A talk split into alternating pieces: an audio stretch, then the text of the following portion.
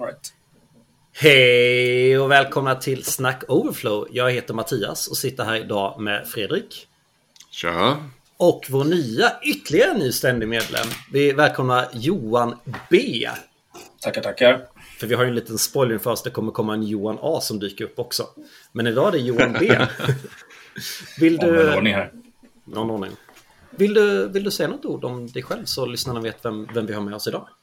Ja, eh, Johan heter jag som sagt. Eh, är fullstack-utvecklare.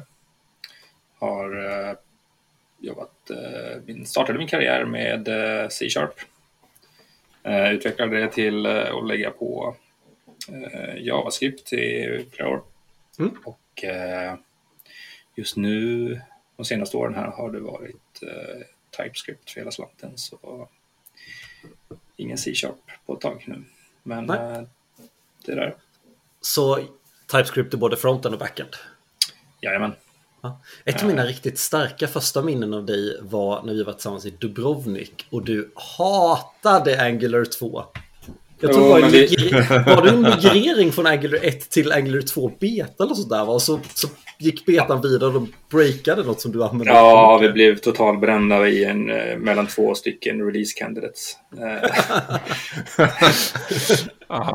Good old times. Så, så du är inte tillbaka i Strangler trots att eh, du körde sin renässans med version 17 nu då? nej, vi lämnade, vi lämnade både Angular JS och Angular och eh, bestämde oss för att använda ett eh, litet eh, ramverk som heter Riot. Just Som det. eh, fungerar faktiskt eh, ja, väldigt bra. Lever det fortfarande? Det tror jag. Eh, Det påminner ju en hel del om Vue till exempel. Mm. Ja men det var väl lite en era där. Jag minns att innan jag började på Vue hade, så kodade jag ett tag hobbyprojekt något som heter Aurelia. Jag tror det finns fortfarande men det är ju verkligen en nischprodukt. Som också egentligen är samma sak. Man tycker Angular 1 var nice men det funkade inte i verkligheten.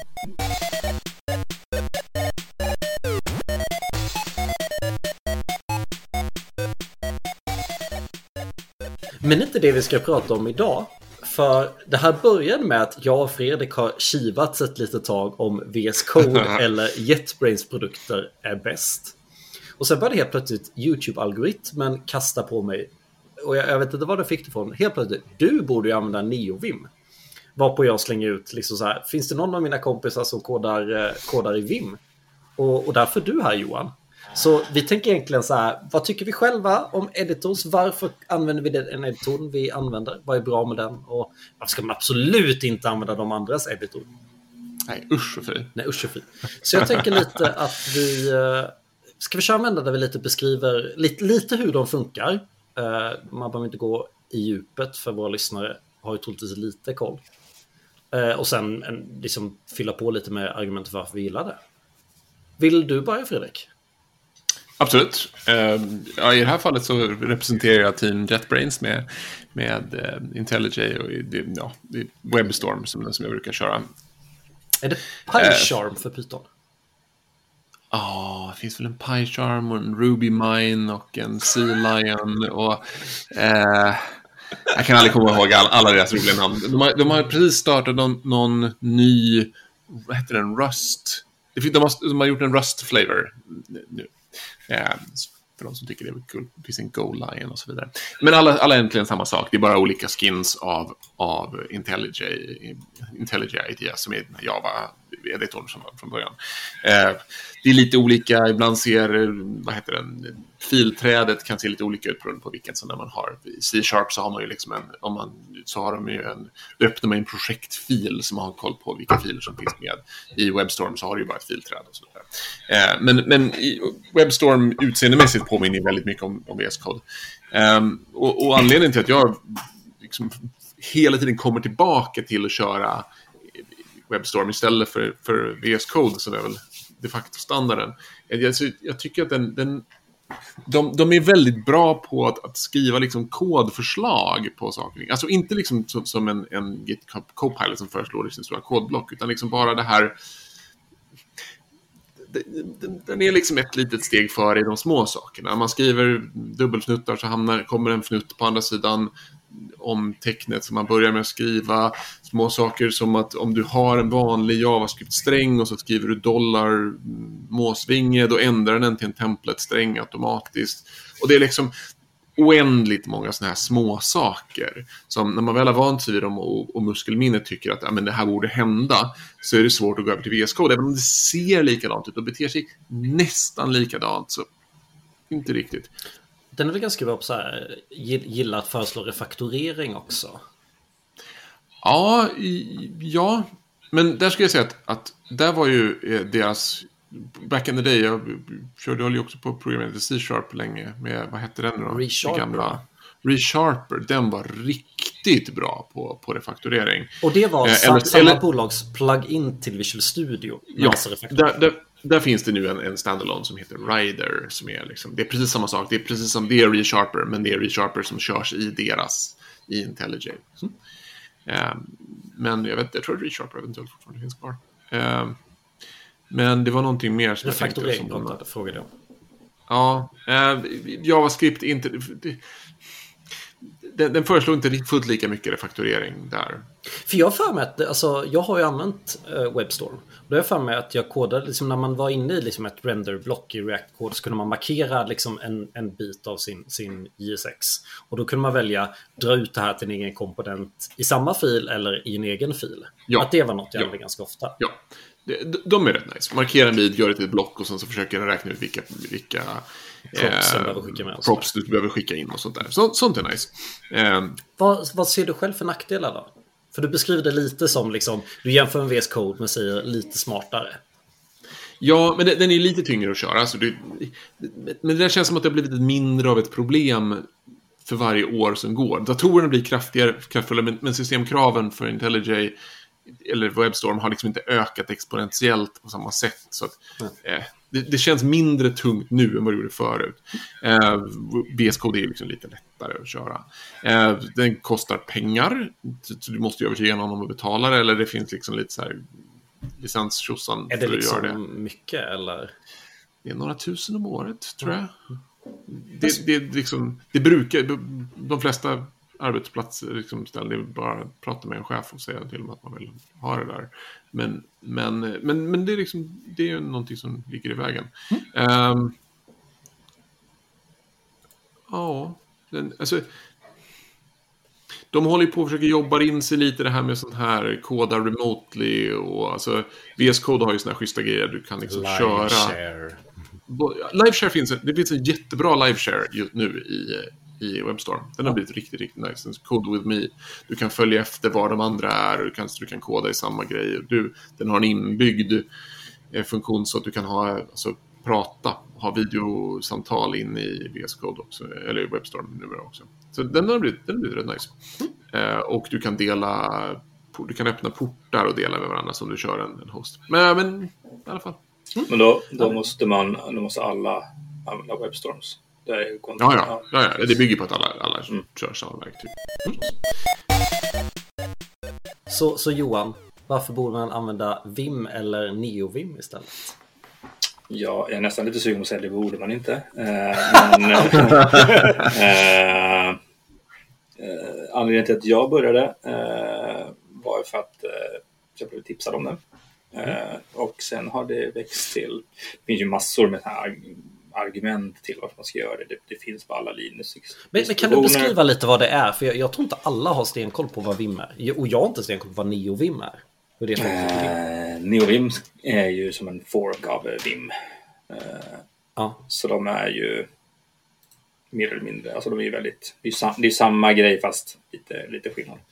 Eh, och det är liksom så, en applikation som du startar från terminalen? Exakt. Eller Om man ska särskilja det från... Ah, okej. Okay. Och man ska lite särskilja det för man kan också köra Neo, man kan också köra Vim Keybindings i vilken editor som helst. Uh, I många kan man det. Ja. Uh, man kan ju, det finns ju sådana keybindings till Chrome och Firefox och massa sånt där. Men det var många år sedan jag testade men de funkar väl sådär skulle jag säga. Webben är inte riktigt mogen för tangentbordet skulle jag säga. Nej, nej, jag menar alltså eh, det finns ju extensions i VS Code mm. så du kan köra Vim Keybindings i Exakt. VS Code. Och, och skillnaden är att då får du vad, är skillnaden då? Vad, är skillnaden mellan att bara köra keybinding och köra hela applikationen? Uh, oj, uh, det var ett tag sedan som sagt jag testade de där grejerna. Uh, men tidigare kan jag säga så att det var ju till exempel i på den tiden jag skrev C-sharp, då var det ju Studio som gällde. Och mm. Sharper så sagt. Men det, man kunde väl skriva C-sharp i Vim, men det var ju miserabelt. Liksom. Det var ju, toolingen var inte där.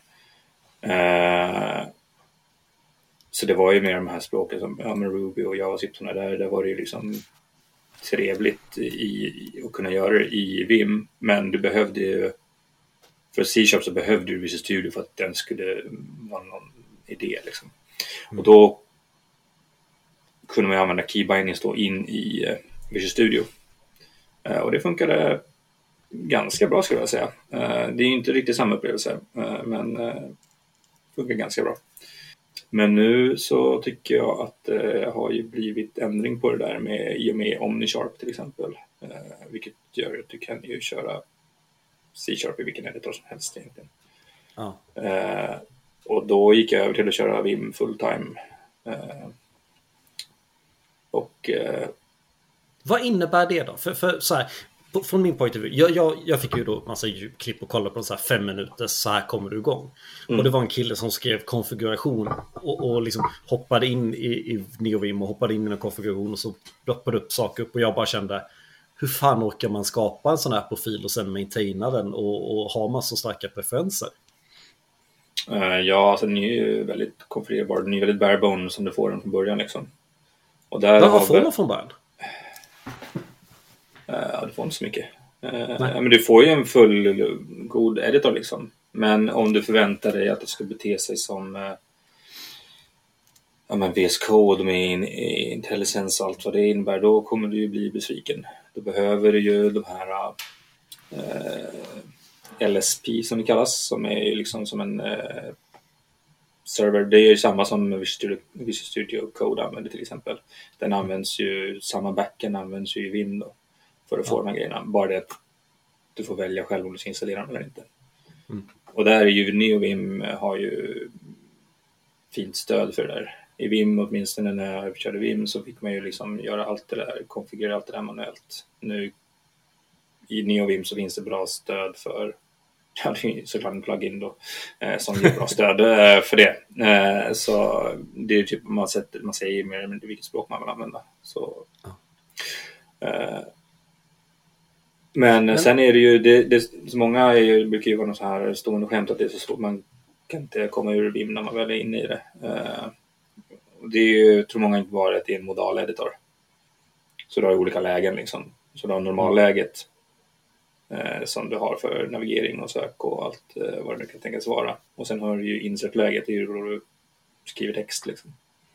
Mm. Och sen har du så här visual och command och lite andra lägen också. Men, och det tror jag är folk inte vana vid. Eh, och den stora fördelen med det är ju att eh, du behöver ju inte ha så väldigt många fingrar för dina kommandon till exempel. Du behöver inte ha liksom kontrollskift, eh, allt, eh, F eller vad det kan tänkas vara för att komma åt ditt kommando. För du har ju du behöver inte ha de här specialtecknen för att göra saker i normalläget. Liksom. Så fördelen med det är ju då att du kan ju ha allting på, eller allt, det vill i, men mycket på HomeRow. Så det är ergonomiskt väldigt trevligt. Du behöver ju sällan eh, få liksom, kramp i fingrarna för att du måste använda så mycket konstiga tecken. Liksom. Och, och det om jag minns rätt så liksom du, du startar något defaultläge och så trycker man typ om man vill skriva text trycker man på knappen i för att gå in i insert mode och sen trycker man på escape för att lämna den och därför, nej, jag kommer ju snart prata om VS Code, då kommer jag säga att jag trycker command shift P eller control shift P hela tiden för att ta upp ett mm. kommandoläge. Mm. I, I Vim kan man nästan säga att kommandoläget är default och från kommandoläget går man in i insert-läge. Det är där de mm. är opposite på något sätt. Ja, men så skulle man kunna, kunna säga larm, för, för det jag kände liksom så här, minne att jag bara backade ur Vim-dörren ganska fort var liksom så här, ja men, lär man sig alla snabbknappar? Ja, men mycket Eller är det, äh, känns ja, det, det, känns väldigt stort. Äh, kanske inte om man ser det som snabbknappar. Äh, jag skulle nog säga att det är vad jag kallar sig för, mnemonics. så du har ju till exempel, ja men C, vad blir det? Det Delete inward. För att ta bort en sak i ett ord. Liksom. Eh, Mm. Och de eh, sitter ju ganska fort, tänker jag. Eh, Mm. Och sen är det ju... Ja, vissa saker måste man ju bara komma ihåg, så är det ju. Men mycket är ju liksom lätt att komma ihåg just för att det betyder ju någonting. Det är inte bara, men vad betyder allt liksom? Mm. Eller kontroll. Eh, och skulle jag behövde jag skift för det här också kanske? Jag vet inte. Men där har du ju liksom, eh, ja, om man tänker det som eh, förkortningar liksom. Ja, men jag är med. Jag, jag kör ju, om, om jag ska hålla på och göra något avancerat i Git så, så har jag Vim som default editor i, i terminalen. Så jag är ju lite med på att gå in i insert mode och jag kör DV om jag ska delita wordet pick för att ersätta det med ordet squash. Liksom. Mm. Eh, Så finns det säkert något ännu smartare att göra det med. Men, men det är så långt jag kan det. Mm. Eh, inte tillräckligt för att ens få för mig att börja koda i det. Lite till min fråga då. Vad, vad är din rekommendation? Alltså, bo, borde... Tycker du att alla borde köra NeoVim eller Vim eller borde ingen göra det eller borde man... Vilka, för vilka personer passar det här? Vilken personlighetstyp ska man vara? Eh, ja, man får nog inte ge upp för, för lätt. Eh, jag tänker det är, det. det är en ganska brant uppförsbacke. Eh, om, för, att få, för i början får man ju typ ingenting gjort. Nej. Men eh, det finns ju lite roliga verktyg. Eh, för det. Jag skulle ju komma med några tips här i slutet. Eh, då kan jag Ja, tips om lite alternativa vägar att lära sig än att bara knacka kod. Ja. Som är lite roligare. Mm. Men ja, nej men för mig är det ju det som sålts för mig är ju ergonomi. Ja. Det konfigurerbar var ju kul för många år sedan men nu har den, nu har den satt sig och den, den är vad den är. Liksom. Så inte det Mm. pillar så mycket längre. Liksom. Du har liksom efter, det, det tog ett par år. Det var kul att pilla sin konfiguration. Sen har den, nu har du stabiliserat sidan. Ja, så kan man säga.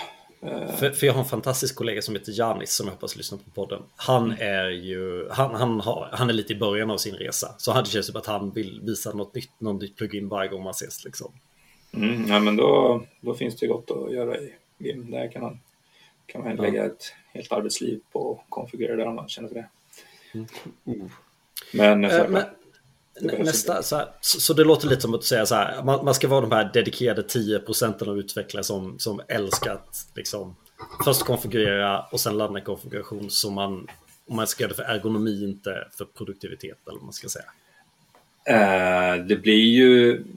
Nej, inte produktivitet. Du kan nog vara lika produktiv i, i eh, Visual Studio eller Visual Code. eh, Eller vad det, man, det, det tror jag. Däremot kan du ju vara mer effektiv. Eh, om du lär dig den väldigt bra, jag nog säga. Eh, Framförallt när det kommer till editering av kod. Alltså, eller text överlag. Eh, så mindre, mindre slit på fingrarna och det, det klarar några mer knapptryck på ditt tangentbord.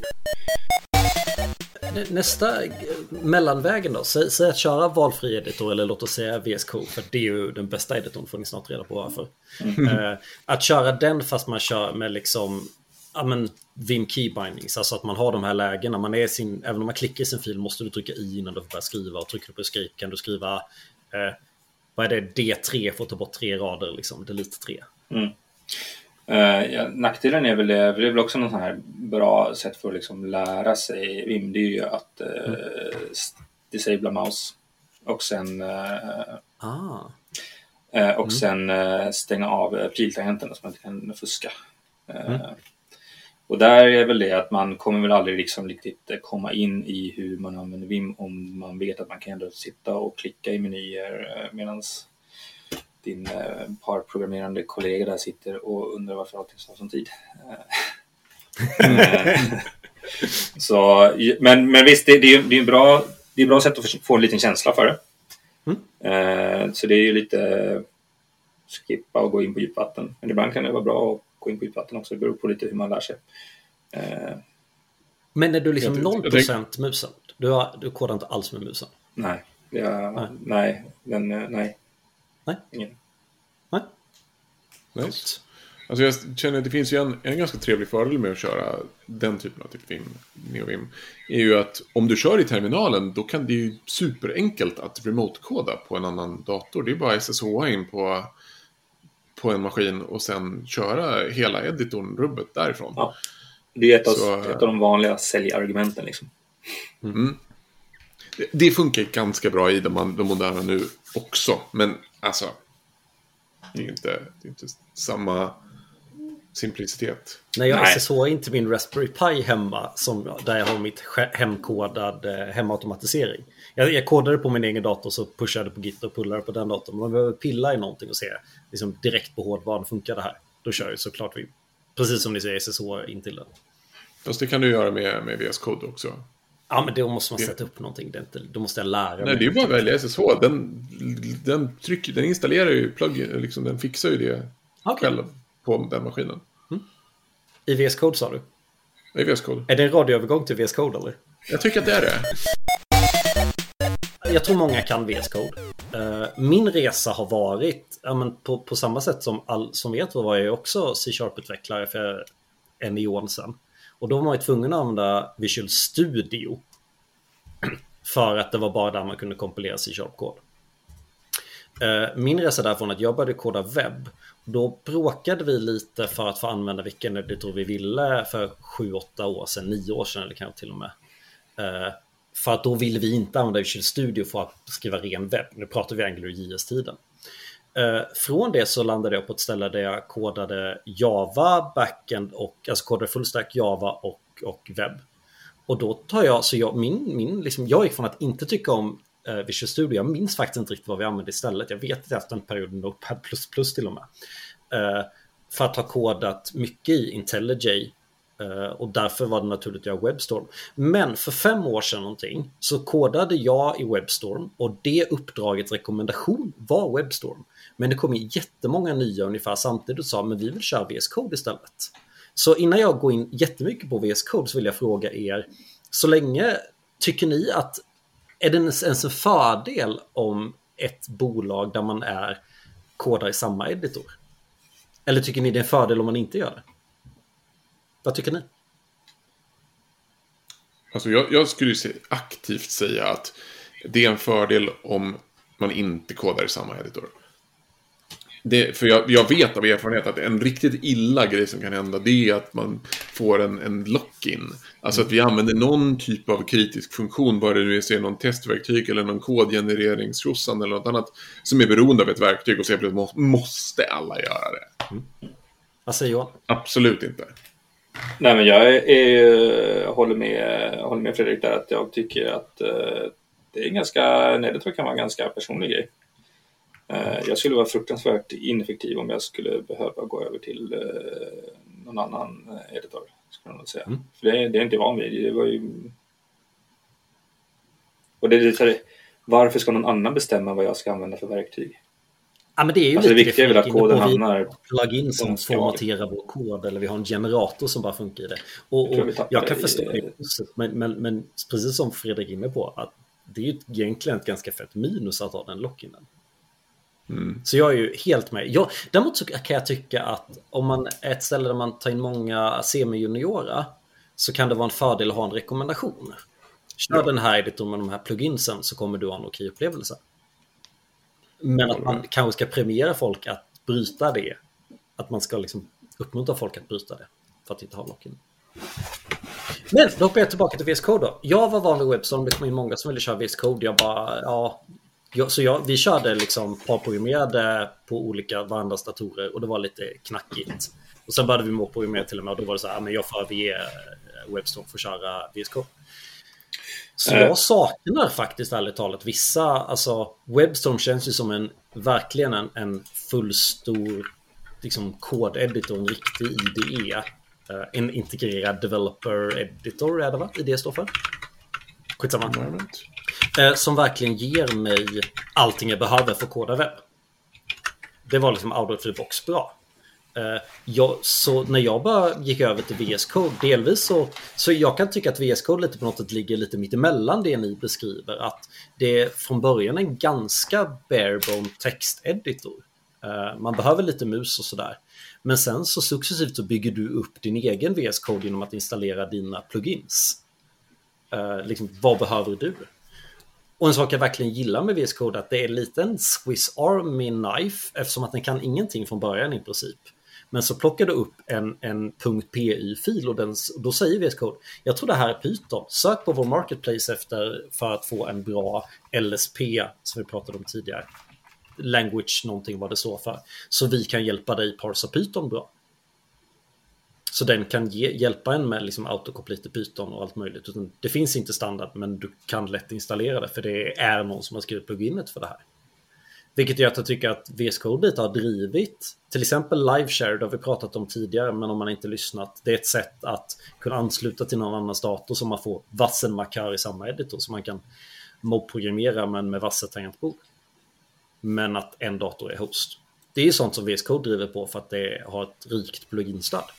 Mm. Men blir det inte det, det, för det är någonting jag faktiskt stört mig lite grann med den här äh, uh, liveshare-grejen och det här. Uh, åtminstone de senaste åren så känns det som Visual Studio Code har ju varit ganska dominerande uh, och då är det så här, ja men vi kör liveshare. Okej, okay, men om du inte kör Visual Studio Code, va? Kör du inte Visual Studio mm. Code? Ja, nej men då, då faller det. Det blir liksom, och som Fredrik nämnde tidigare, det blir en locken liksom vi använder det här verktyget så du måste också använda det här verktyget som du kanske inte alls vill använda. Uh, så hade Liveshare varit standalone uh, då hade det varit ballt. Mm. Men det är några saker man är ute efter med Liveshare. Det är ju både att, att vi alla kodar på samma maskin. I samma bransch. Eh, eh, men det är mer än så. Alltså, vi vill ju att alla ska koda liksom. Om, om, du har, en, om du har en, en hot reload server igång. Så ska alla koda liksom på samma disk. Mm. Så allt ska ju hamna in i samma, liksom, på samma maskin. Eh, och den andra är att det, man vill ju kunna peka någonstans. Jag vill kunna skriva i koden och sen så säga titta vad jag står med min pekare eller vad jag har markerat. Så om jag markerar en bit kod så vill jag visuellt att, någon, att kunna liksom påvisa uppmärksamhet på att nu pratar jag om det här blocket. Liksom. Mm. Um, Mm. Ja, du behöver inte, alltså jag och Oskar har pratat om det tusen gånger säkert. Men, men vi körde ju inte parprogrammering utan kaosprogrammering. Uh, vi delade webbserver och skrev vassen halva. Liksom, en, en pratade med API och den andra höll på att rendera med den datan. Liksom, mm. Samtidigt. Och, och, vi breakade hela tiden men, men liksom Alltså Library loaden blev röd hela tiden. På båda men det är, helt, det är helt okej. Jag, jag, kommer där, jag, jag har nämnt det här förut, men jag tycker att min agila filosofi och parprogrammeringsfilosofi och allting kan vad heter det, sammanfattas med ett uttryck som en, en kollega från ett tidigare uppdrag sa. Eller så pratar vi med varandra. Mm. Och, och, jag tycker det, det gör ingenting om det går sönder hela tiden. Om vi, om vi har en konstant kommunikation var liksom tionde sekund så ja, men vet vi om varför. Liksom. Ja. ja. precis. Om vi har ett samtal samtidigt, ja, men då vet vi ju varför det går sönder och när det går sönder. Men vänta, jag är klar om 20 sekunder. Jag ska bara fixa den här return-grejen här. Okej, okay, okay, men då vet jag det. Men vi har ju lite vävt in det allt eftersom vi pratat. Men liksom, vad, vad, tycker ni egentligen om de andra två editorerna utom er egen? Liksom, skulle ni skjuta er själva hellre än att göra någon av de andra? Eller är det den andra? Liksom, vad, vad tycker ni och vad finns det för fördelar och nackdelar med de andras? Vi är bäst, ingen protest. Eh, som min fyraåring hade sagt. Eh, nej men eh, för mig sitter det ju så pass djupt, alltså alla de här äh, knapparna sitter så pass djupt och de är ju så väldigt annorlunda. Så det blir ett mm. stort hopp om man ska tvingas gå till någonting annat. Det är ju mindre hopp skulle jag nog vilja säga när jag gick från alltså, med eller utan ReSharper i Studio. Liksom. Ja. Uh, Alltså jag, jag, skulle kunna byta till Webstorm om, om jag skulle komma till ett bolag som så här, vi kräver Webstorm. Då hade jag först tyckt det är ett tecken på en dålig kultur att de kräver en editor, som vi var inne på. Yes. Men, men, jag skulle tycka det var helt okej att koda Webstorm. Om de skulle säga att du måste koda i NeoVim skulle jag sagt, då får ni räkna med att det är ganska oproduktivt ett tag. Och den ergonomin, jag är lite rädd för att, eftersom att jag inte är frälst på det, att jag kommer tycka det är jobbigt att koda NeoVim tills jag kommer in i det, men skulle jag sen inte längre bli tvingad att göra det skulle jag kanske inte göra det. Och då skulle jag tappa det ganska fort, är jag rädd för. Dels, och dels att jag inte känner att jag har tiden att orka. Jag kanske skulle ha energin att orka skapa en konfiguration som passar med NeoVim. Jag skulle ha svårt att, att orka maintaina den. Däremot så är jag, det- jag är ju inte alls sugen egentligen. Jag är ju inte sugen på att hoppa till Webstorm heller. För jag, jag minns ju att den var lite klonkig och seg. Och seg och starta ny. Och, alltså starta ett nytt fönster. Och, Jag tycker det har blivit bättre. Det, det blir, och, webs, och, och VS Code har blivit sämre. Det kan, ja, precis. Jag upplever båda delarna. Det känns som att, att, eh, att de har gått lite åt mothåll. Men sen är frågan om det bara är att man har moderna datorer med SSD-diskar på. Så kan liksom indexering av filer går fortare numera. För att det inte är någon disk som ska snurra runt. Vad, vad, vad tror ni, vad är nästa editor då? För det känns som att vi lite har stagnerat, det känns som att det händer mycket. Eh, visst finns det liksom någon så här open source-version av VS Code eller liksom någon mer barebone-variant? Typ Monaco Editor eller något sånt där. Men Monaco Editor, det är bara själva editorfönstret. Det är inte sidomenyerna eller något sånt. Det är bara Ah, själva okej. texteditorn. Eh, den är förutom, för, förresten asnice att integrera i eh, andra webbsidor. Om du vill ha typ ett... Här, editera en fil på din, på din sajt så är det bara Monaco Editor. Så, så får du liksom den med... In så kan man lägga liksom. in in-browser. För jag är nästan lite så här, jag hade kunnat tänka mig Alltså just så här, jag, jag gillar ju tanken på bring your own device till exempel. Att slippa ha uppdragets dåliga dator utan ha min bra dator istället. Men jag kan förstå att de vill ha liksom kontroll. Så eh, jag hade ju gillat att ha en, en kanske inte permanent, men ifall perioder köra liksom, min editor i en browser. Oavsett vilken editor det är. Men där finns ju, eh, om du kör VS Code så finns det ju en som heter Code Server. Som är VS Code, det är VS Codium, alltså open source-varianten av den. Eh, I en browser. Du, du har en server liksom, så, som du loggar in på och sen så får du upp VS Code fast den lever i en browser. Är det liknande som uh, GitHubs Code Spaces kanske? Det är, är säkert absolut. Eh, Men eh, ja, vi snackar om, eh, om eh, framtiden här. Det finns ju den här cursor.sh som ska vara the, the AI first code editor, om vi snackar nya editors. Men det är ju editor as a service, så du får betala för att skriva kod. Det känner jag att... eh, Men den är ju, Fast det gör ju Fredrik också. sant. Eh, Men det är alltså de här subscription-baserade grejerna som jag tycker det har men är inte det VS Code? Är inte det en VS Code med, med någon AI-plugin? Jag vet inte, de, de tappade mig på att betala varje månad. Men titt, man tittar en sekund på första bilden så bara, men det här ser väldigt... Det här ser ju ut som VS Code. Ja. Och det är väl Monaco-editorn i... Alltså det är väl... Ja, Eller om det är Codium eller vad det är. ja som sagt var. Det, det, är, dessutom, det är dessutom en liten... Eh, nej, det står migrate with one click. Eh, ja. Nej, men det är väl kanske det jag ville syfta Based på var väl kanske att eh, framtiden är väl kanske lite mer AI-stöd och sånt där. Copilot till exempel. Ja, men om man kommer in på den då. Eh, för mig, liksom det här, jag förstår det nice med att inte använda musen, ergonomin att slippa vrida sin arm fram och tillbaka. Jag tänker att vi i en framtid skriver färre tecken. Mm. Eh, och där känns det som att editorn blir mindre viktig. Jag hade kunnat, jag, jag vet att jag har en flik långt bak i min mobil om, om eh, att man kan köra voice commands för att skriva kod. Den ska kompilera också. komplettera det med tangentborden. Men alltså, jag, jag tycker egentligen att, att vi, vi pratar om, om... De sakerna vi pratar om känns mycket som den här liksom, den ytliga klicka eh, eller keyboard-navigera-upplevelsen. Men det finns ju en, en, djup, en djupare problematik som handlar om liksom, plug-in-stöd och så vidare. Som det, all, allting står och faller med. Av att... Eh, vi, kan hitta på, säg att det kommer ett nytt frontend-ramverk som eh, heter... Eh, know. Bread. Ja, men, eller säg hur Vue var för tre år sedan där man behövde Exakt. köra VS Code för man behövde ha Vetur eller Volar. Exakt. Plugins och och, typ och där, typ. där, står, där står det ju faller med. Alltså om, om pluginstödet för något... Om, om det blir ett krav att du ska jobba i ett nytt ramverk och det ramverket är nästan oanvändbart utan dess tillhörande plugins eh, så kan det bli att en editor liksom dör med att, att den in, det inte finns stöd eller community-stöd eller ingen bemödrar sig att, att liksom driva dem, dem framåt. Och, och, och där är väl liksom, där tycker jag man märker på, på JetBrains-sidan att de, de laggar lite efter. Men, men stöd är åt rätt bra. De, någon, där, någon får ju faktiskt betalt på, hos dem för att fixa så att svält funkar eller så att view funkar. Och man märker att vissa plugins är gjorda av, av communityn där det finns, liksom ett, ett, det finns folk som driver det framåt. Och vissa har de byggt själva för att det behövs. Men visst är det så, som du är inne på Johan, de här LSP-erna.